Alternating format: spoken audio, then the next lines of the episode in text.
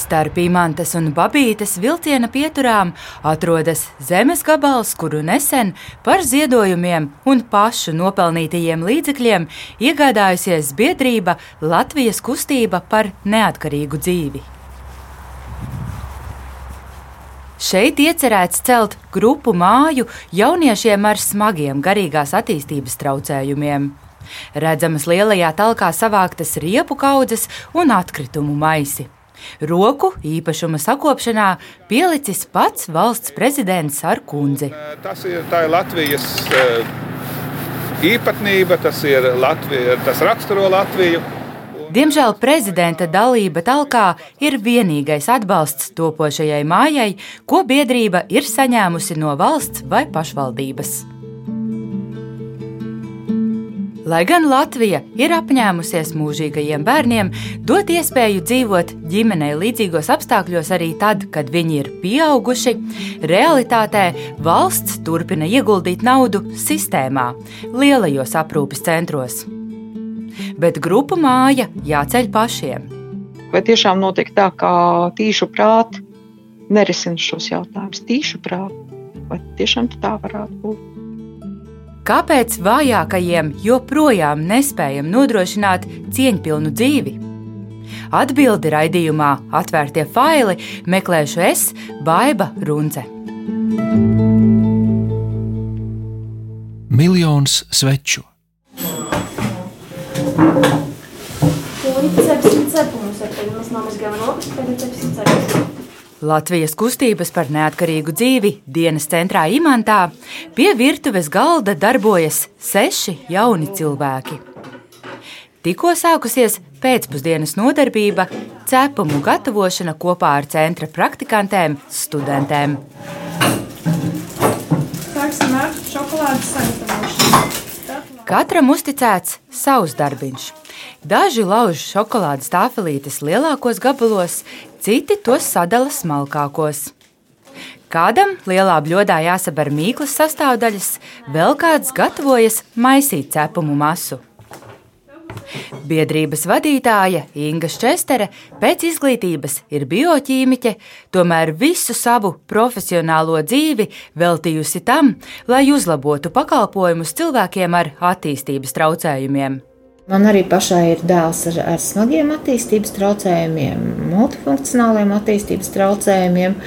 Un tad, kad viņam bija gadi, gadi astoņi, man likās, ka, nu, jā, kad, kad, tā, kad viņš būs pieaudzis, Latvijā viss būs ja mēs esam atguvuši neatkarību. Un, un mēs mācāmies no Skandinavijas valstīm, un brauc tik daudz ārzemju speciālistu. Un, un valstīs atbildīgās institūcijas brauc uz ārzemēm, pārņem pieredzi un mācīties. Un likās, nu, viss būs. Un, un tagad ir, ir pagājuši, nu, Mārtiņam ir 34 gadi, un mēs saprotam, ja mums ar vīru kaut kas notiek šodien, tad viņam nav kur palikt. Cilvēkiem ar smagiem attīstības traucējumiem pat laban būtībā ir divas iespējas. Dzīve institūcijā, jeb kādā no lielajiem valsts sociālās aprūpes centriem, vai ģimenē, kamēr tuvinieki spēj par viņiem parūpēties. Daudzus gadus biedrība darbojās ar cerību, ka arī valsts cilvēkiem ar smagiem traucējumiem veidos sabiedrībā balstītus pakalpojumus. Tomēr pirms pāris gadiem cerība zuda, un Inga Čestere ar domu biedriem sāka kampaņu Miljons sveču grupu mājai. Mūsu mērķis ir pirmkārt tomēr valstī parādīt ar reālu piemēru, ka cilvēkiem ar ļoti smagiem attīstības traucējumiem var veidot pilnīgi cita satura pakalpojumu. Tad vēl drusciņi. Un tas ir stāsts par sadarbību. Jo Mārtiņš šobrīd ziņo, ka lāsma ir pabeigusi, ka viņas taisītā forma ir pilna ar parafīna gabaliņiem. Bez manis un centra ergoterapeites Ditas Ritumas sveču darbnīcas telpā ir divi jaunieši. Lāsma ar abām rokām tur sveces formu, Mārtiņš to pilda ar iepriekš sagatavotiem parafīna gabaliņiem. Pie darbnīcas sienas redzams skaitlis, cik daudz sveču vēl jāpārdod, lai uzceltu grupu māju. Tas joprojām ir sešu ciparu - 964,267. Bet, protams, kad ar to ir pa maz, mēs neesam tik naivi, lai iedomātos, ka realizējot sveces, vien mēs sakrāsim naudu, lai uzceltu māju. Mēs to nevaram izdarīt. Saka Inga Čestere, kamēr sasniegtu mērķi, paietu 60 gadi. Biedrība vēlas uzbūvēt četras savstarpēji saistītas mājas 16 cilvēkiem, kur katram būtu savs dzīvoklis, bet kopīgas virtuves un telpas citām aktivitātēm. Sadzīvi palīdzētu organizēt darbinieki. Projekts izmaksātu ap miljonu eiro. Biedrība jūt lielu sabiedrības atbalstu. Arhitekti projektu izstrādā bez maksas. Arī pašvaldība biedrībai atbildējusi, ka šāds pakalpojums būtu nepieciešams un ir ar mieru to finansēt līdzīgi kā dienas centru. Taču māja jāuzceļ pašiem, jo ieguldīt infrastruktūrā domai nesot iespēju. Valsts balso ar maku, Diemžēl tas, ko mēs redzam valsts balsojumā, mums valsts budžetā ir, ir pozīcijas, kur ir finansējums ilgstošās aprūpes institūcijām, bet mums nav nevienas pozīcijas, kur būtu finansējums sabiedrībā balstīt pakalpojumu attīstībai. Atbalstu grupu mājas izveidēja biedrība lūgusi vairākām ministrijām. Pērn nosūtīta vēstule ministru prezidentam. Krišānis Kariņš atbildējis, ka risinājumu meklēšanu uztic Labklājības ministrei sadarbībā ar Finanšu un Vides aizsardzības un reģionālās attīstības ministrijām. Mēs drīkstam finansēt tikai tās lietas, kuras ir noteiktas likumdošanā. Un tur ir ļoti skaidri un gaiši ja, pateikts, par ko, par kādiem pakalpojumiem. Un šeit ir runa par pakalpojumiem, ja, nevis par ne, zemes iegādi, būvniecību un tā tālāk. To mēs neesam tiesīgi darīt. Protams, ja teiksim, saimas līmenī vai kur citur attiecīgi pieņemot politiskos lēmumus, kaut vai pieņemot budžeta likumu vai ko, nu, politiskie spēki un deputāti jau var visu ko darīt, ja tāpēc jau tas ir likumdevējs. Labklājības ministrijas sagatavoto atbildi skaidros sociālo pakalpojumu departamenta direktors Aldis Dūdiņš. Pārējās ministrijas par uzdevumu vispār nelikās zinis.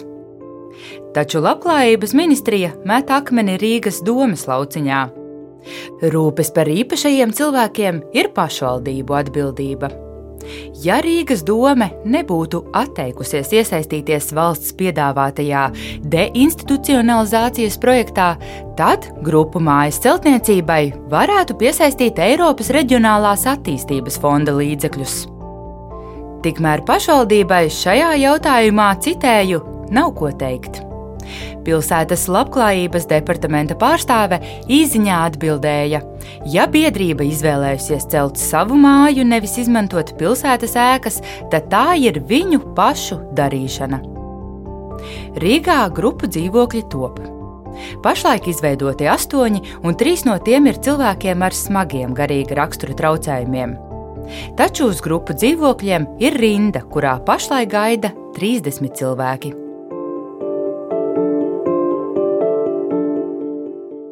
aprūpes objekti.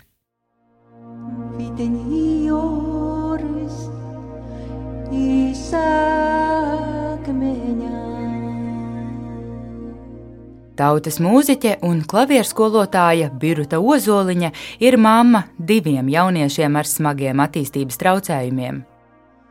Abi ir aptuveni 30 gadus veci. Biruta piekrita pastāstīt par laiku, ko viņas dēls Rihards pavadīja aprūpes institūcijā. Vispirms viņš bija Baldonē ievietots.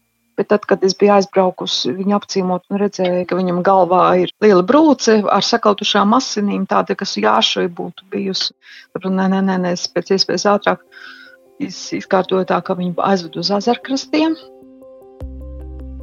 Rihards ezerkrastos pavadīja deviņus gadus, kad šajā sociālās aprūpes centrā vēl bija bērnu nodaļa.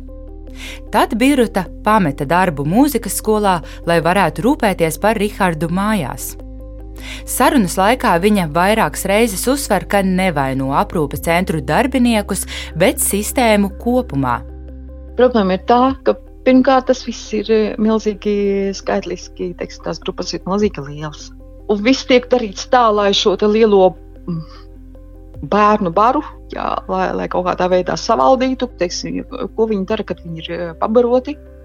Viņi tiek savesti vienā tādā diezgan lielā telpā. Nu, viņi bija kādi nu, 15, 20, varbūt ap, ap to skaitu. Jā. Un tad iedomājieties, es viņu tur tā sasēdinātu. Visi tā aplijā, tā gar sienu aplī uz krēsliem, tā sasēdināti un sēž. Un man tas tur nav nevienas. Pie tik liela klientu skaita darbinieki nespēja palīdzēt katram individuāli. Tātad, kā viņa notiek zobu kopšana? Ja? Zobi, kā zinām, ir diezgan svarīga lieta. Viņa mēdz sāpēt, viņa mēdz bojāties, viņa, viņa ir vajadzīga. E, tātad, lai parādītu, ja, ka mums tur viss ir ok, viņam tur bija ļoti skaisti zobu pirstītes, viss ir salikts, ir sakārtots. Ja? Tikai problēma ir tā, ka tāds Rikards vēl joprojām nesaprot, kā tīrīt zobus. Viņš nemāk to darīt. Viņš, es aizbraucu um, nedēļā reizi, reizēm gadījās ratāk, ja, ar zobu pirksti vienmēr viņam mazgāju, jo tie zobi bija piedodiet brūni. Tad es iedomājos, kā viņam tur saka, Rikardai mazgā zobus. Viņš tur kaut kur tur tajā virzienā, tajā telpā, viņš tur, tur kaut kur mīcās. Jā. Birute nerod atbildi, kāpēc šis jautājums joprojām nav atrisināts. Tas izskatās pēc utilizācijas mašīnas sametīsim visus tos, kas nederīgi sabiedrībai, vienā vietā, un tur viņi ātri, ātri būs. Ja? Apmēram tā tas izskatās. Viņi brauc komandējumos un apciemo šos visus alternatīvos centrus. Es domāju, ka viņi ļoti ir informēti, viņi ļoti labi visu to zina. Bet kāpēc viņi to nevēlas īstenot, ir lielais jautājums. Kāpēc? Tiesības sarga biroja pārbaudas liecina, ka sociālās aprūpes institūcijās nekas tā globāli nav mainījies. Turpina prevencijas daļas vadītāja Zanda Rūsiņa. Un šī pandēmija vēl jau vairāk to izgaismoja, ka nu, mums nedrīkst būt tādas koplietošanas telpas, ko visi vienos gaiteņos un 3-4 vienā istabiņā. Nu, to nedrīkst darīt. Un tāds privātums vispār nekāds.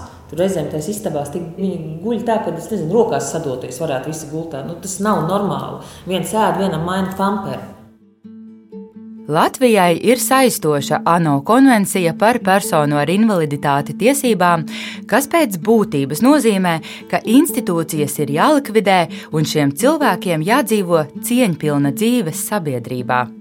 Es saprotu, ka tie lielie valsts sociālās aprūpes centri diezgan uzmetuši lūpu un tā aizvainot. Varbūt reizēm jūtās, kā mēs to atspoguļojam. Nu, bet, ja mēs tiešām aizbraucam un visiem cilvēkiem ir kājas izmēram, lielākajai daļai, nu, vienmēr būs kājas izmēram neatbilstoši apavi, vai tur visiem krokšveidīgie tie, tās gumijas čības, vienalga kāda apstākļa. Ja, tur būs, nu, tas nav cilvēka cieņai tāds atbilstošs, viss tas nodrošinājums, bet, nu jā, apavi ir. Nu, nevar teikt, ka staigā plikām kājām. Kopā ar tiesību sargu pārbaudēs uz institūcijām ir devusies arī Latvijas kustības par neatkarīgu dzīvi vadītāja Inga Čestere. Aprūpas centros ir fokus uz aprūpi, uz cilvēku aprūpi. Bet tas ir tikai viens elements no dzīves kvalitātes. Mēs mēdzam teikt, ka mūsu nodarbinātība vismaz daļai piešķir mums identitāti. Ja cilvēkam nav ko darīt, viņš degradējās, viņš beigās zaudē arī savu personību. Šķesteri uzsver, ka nepietiek ar pāris aktivitātēm nedēļā. Cilvēkiem jābūt nodarbinātiem katru dienu. Un jo smagāki traucējumi, jo vairāk ar šo cilvēku jāstrādā profesionāliem speciālistiem.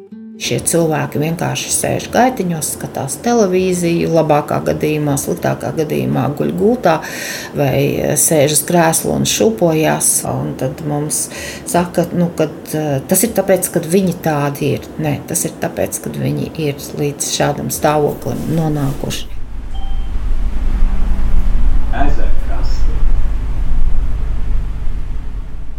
Ezek. Ezerkrasti, kas atrodas Rīgas pierobežā Berģos, ir lielākais valsts sociālās aprūpes centrs cilvēkiem ar garīga rakstura traucējumiem. Labdien! Jā, nākat! Mani sagaida centra vadītāja Valentīna Maļcāne. Viņa lepojas, ka klientu skaits iestādē samazinās. Tomēr cilvēku joprojām ir daudz - 424. Un klienti ar smagiem traucējumiem institūciju nepamet.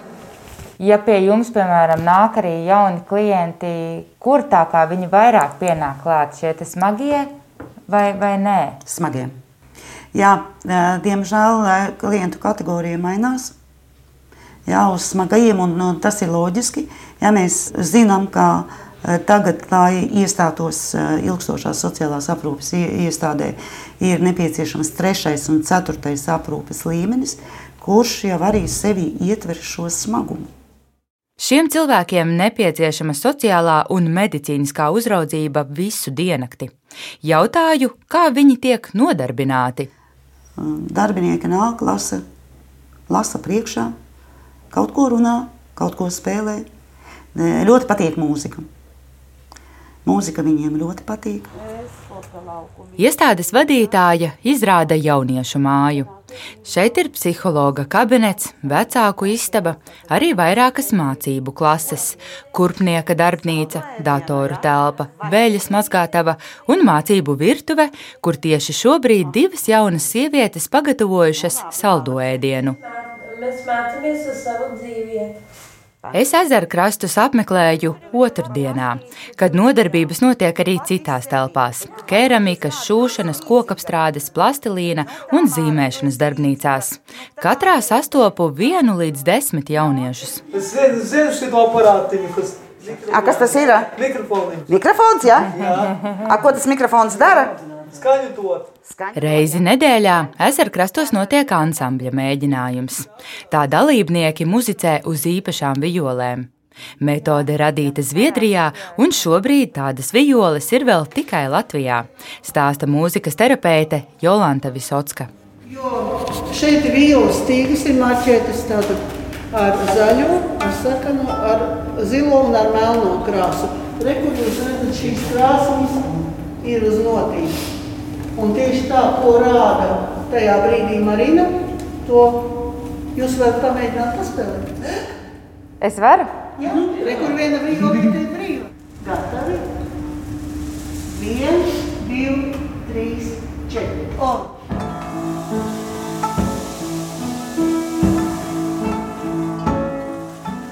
Ansambli veido vairāk nekā desmit dalībnieku.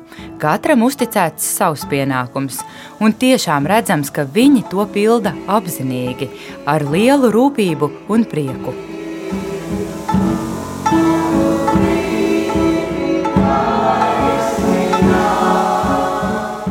Ezerkrastu vadītāji stāsta, ka nodarbības ir tikai daļiņa no klientu dienas režīma. Vēl piedāvājumā ir masāžas, fizioterapija, ergoterapija. Un, ja tas cilvēks, piemēram, iet uz keramiku noteiktās dienās, noteiktos laikos, ko viņš dara pārējā laikā? Ko mē, tagad man jautājums, ko mēs darām mājās? Esot, ja mēs esam no rīta līdz vakaram mājās. O tagad pasakiet jūs, jums rītā būs brīva diena. Ja? No rīta līdz vakaram, ko jūs darīsiet? Kaut kur došos droši vien. Jā, kaut kur došos. Nu, tā tad ir kaut, kāds, kaut kādi plā, ieplānoti un ir kaut kas neplānots. Ir kaut kas eh, vienkārši pasēdēšana. Varbūt tajā laikā es pavērošu kādu citu un kaut ko atradīšu sev jaunu. Mēs nevaram, eh, jo eh, šie cilvēki nav roboti. Mēs nevaram viņus ielikt kaut kādos rāmjos, robotizētus, ka viņam no 9 līdz 10 ir jābūt tur, no 10 līdz 11 jābūt tur un nekur citur. Tāda ir arī Valentīnas Maicānes atbilde tiesībsarga kritikai. Viņa pārbaudes sauc par neobjektīvām, jo no malas nevar novērtēt katra vēlmes un vajadzības. Pēc pēdējās pārbaudes pērn oktobrī neapmierināti palika arī citu valsts sociālās aprūpes centru vadītāji. Taču tiesībsargs neatkāpjas. Turpina tiesībsarga biroja pārstāve Zanda Rūsiņa. Mums tomēr būtu jāsāk ar to, ka tiešām aizveram durvis, nelaižam vairāk iekšā nevienu. Un tiem, kam ir vajadzīgs šis pakalpojums, tad meklējam, risinām, atbalstam NVO, kas varētu. Mēs arī aicinājām tā ministru kabineta tajā vēstulē, ko mēs sūtījām oktobrī. Mēs arī aicinājām piešķirt tam finansējumu, paredzēt tam finansējumu, arī valsts, lai arī tā pašvaldība nepaliek tikai ar savu bēdu, ja, kur, ko tagad darīt, kur dabūt to naudu. Ja. Tiesības sargs aicina nevienu neuzņemt sociālās aprūpes centros pēc 2023. gada, kad jābūt pabeigtam deinstitucionalizācijas projektam. Diemžēl šobrīd projektā tapuši tikai astoņi grupu dzīvokļi no 53 plānotajiem. Labklājības ministrijā kavēšanos skaidro ar būvniecības izmaksu augšanu, bet tagad līdzekļu pietiek un ministrija vēl cer projektu noslēgt sekmīgi. Lai mudinātu pašvaldības grupu dzīvokļus ierīkot, valsts līdzfinansē tajos sniegtos pakalpojumus un ieviesusi principu nauda seko klientam. Piemaksā par cilvēkiem, kas institūciju pametuši. Tomēr par spīti deinstitucionalizācijas nodomiem, valsts sociālās aprūpes centros joprojām nonāk vairāk cilvēku nekā tos pamet. Kopumā institūcijās ir 3402 pieaugušie, rindā gaida vēl ap 300. DI plāns. Nu, jā, viņš pacēla sēdekli, viņš uzpumpēja riepas pats. Nadežda Jukša ar lepnumu stāsta par darbiem, kurus dēls var paveikt pats. Dienu pirms manas ierašanās viņš pļāvis zāli mājas pagalmā, tagad demonstrē savas riteņbraukšanas iemaņas. Oh, Malicis. Kā mīli? Nu, nu vēlreiz, jā? Jā. Nu, brauc. Pāvēlam ir 38 gadi, autisms kopš bērnības. Patstāvīgi viņš dzīvot nevarētu. Nē, nē, nē. Tā kā mēs, mana dzīve ļoti saistīta ar viņa dzīvi. Tā kā, jā, bet cenšos arī tāpat eh, veidot savu dzīvi, un eh, man ir kalpošana draudzē. Godīgi sakot, ja nebūtu man Dievs klāte, es neizturētu visu, kas notika pa šitiem gadiem. Nadežda ir mūzikas skolotāja, taču dēla dēļ pārkvalificējās par speciālo pedagogu. Tagad devusies pensijā. Kādas vispār arī tagad ir jūsu domas? Nu, cik, ilgi jūs dzīvosiet kopā? Es par to esmu domājusi. Jā. Domāju par to, ka nu, tomēr tas vecums uh, nāk, un gadi arī nepalieku jaunāka, bet vecāka. Vēl esmu stipra, vesela, bet jādomāt uz nākotni, protams, kā, kā gribētos, lai kāds parūpētos par viņu. Pati daudz ko nu, zinu jau tagad par to aprūpi, kāda stāvokļa ir aprūpē Latvijā. Es gribētu, lai būtu tāda vieta, kur viņš varētu dzīvot un būtu pieskatīts, aprūpēts, kur viņam nedarītu pāri. Pāvils varētu būt viens no ogrē topošā multifunkcionālā centra klientiem, pret kura būvniecību iebilda teritorijas kaimiņi. Par to ziņoja arī mediji. Mēs nezinām, kā tas būs, kad tiks uzcelta šī jaunā ēka. Mēs esam pār bērniem ar invaliditāti. Mēs esam pret pieaugušajiem. Šo sižetu RTV ziņās redzēja arī Nadežda. Es šodien vēl atcerējos to teicienu, sieviete teica tajā raidījumā, ka mēs pieņemam bērnus, bet mēs nepieņemam pieaugušus. Tas skan rupji un nežēlīgi. Nežēlīgi. Neviens no mums neplānoja dzemdēt slimu bērnu. Neviens cilvēks to ne, viņš grib veselu bērnu. Es tāpat gribētu, lai Pāvēlam būtu ģimene, lai vi, man būtu mazbērni lai man būtu nu, viņa sieviņa. Nu, es par to sapņoju, bet nu, tas nav. Tas nav, bet labi, ka man ir meita vēl, jā, un viņai viss ir labi laulība.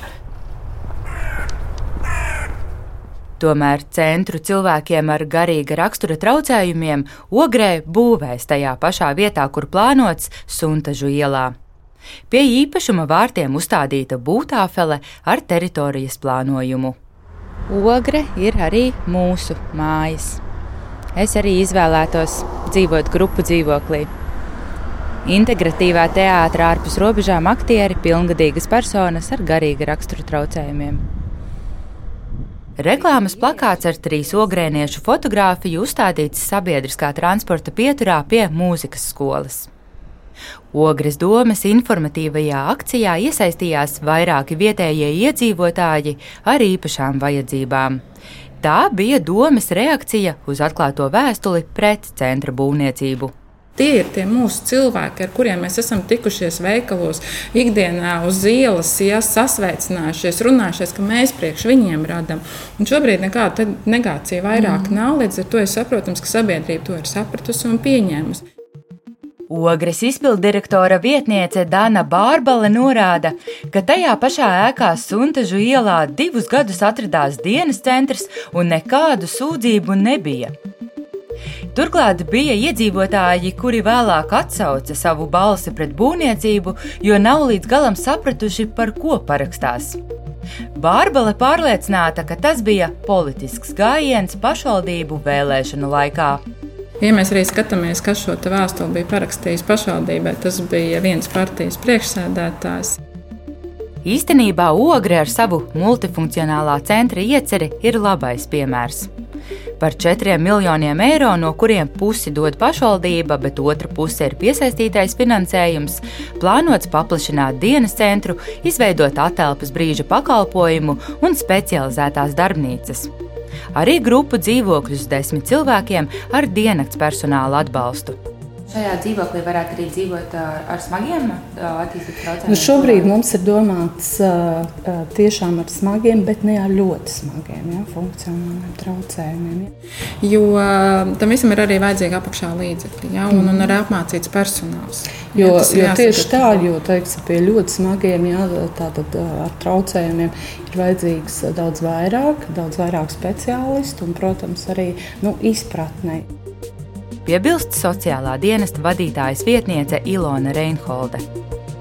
Tieši cilvēkiem ar ļoti smagiem traucējumiem kvalitatīvi pakalpojumi ir vismazāk pieejami. Labklājības ministrijā nenoliedz, viņi visticamāk paliks institūcijās. Atšķirībā no grupu dzīvokļiem, kuru izveidē valsts ieguldīt naudu nedrīkst, uz institūcijām joprojām plūst investīcijas. Pērn to infrastruktūrā valsts ieguldīja 6,5 miljonus eiro. Šogad ieguldījumi turpinās. Tikmēr Ingas Česteres lolotie jaunieši turpina lietas sveces, lai sakrātu naudu grupu mājai nu, kaut vai 50% no tā, ko papildus piešķir valsts ilgstošās aprūpas centriem, piešķirtu paralēli arī sabiedrībā valstītiem pakalpojumiem. Pēc pieciem gadiem mums šī problēma vienkārši dabīgi atmirt, jo būtu izveidots pietiekams daudzums sabiedrībā balstītu pakalpojumu.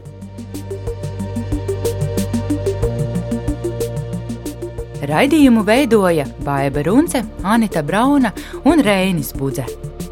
Atvērtie faili!